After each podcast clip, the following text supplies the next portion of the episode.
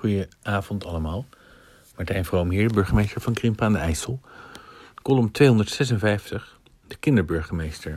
Kijk, in Krimpen aan de IJssel hebben we een hele leuke kindergemeenteraad.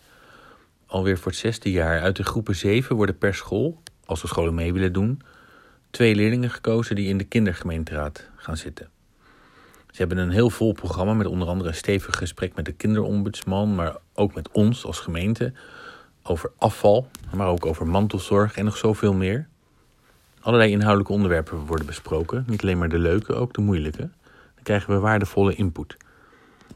Kijk, veel, veel gemeenten hebben een kindergemeenteraad, maar nog meer gemeenten hebben alleen een kinderburgemeester. Dat is natuurlijk heel eervol en leuk voor de volwassen burgemeester, een collega. Maar het is ook wel een beetje weinig. Want zo'n kinderburgemeester is dan vooral voor de ceremonie. Op bijzondere momenten met Koningsdag, 4 mei.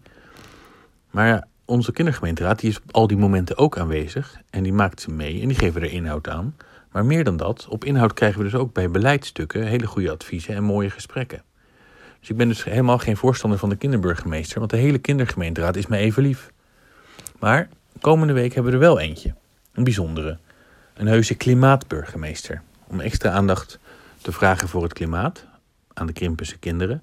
Maar ook om extra aandacht bij volwassenen te vragen voor het klimaat namens de Krimpense kinderen. En daar ben ik heel blij mee. Dus Jack, zet hem op.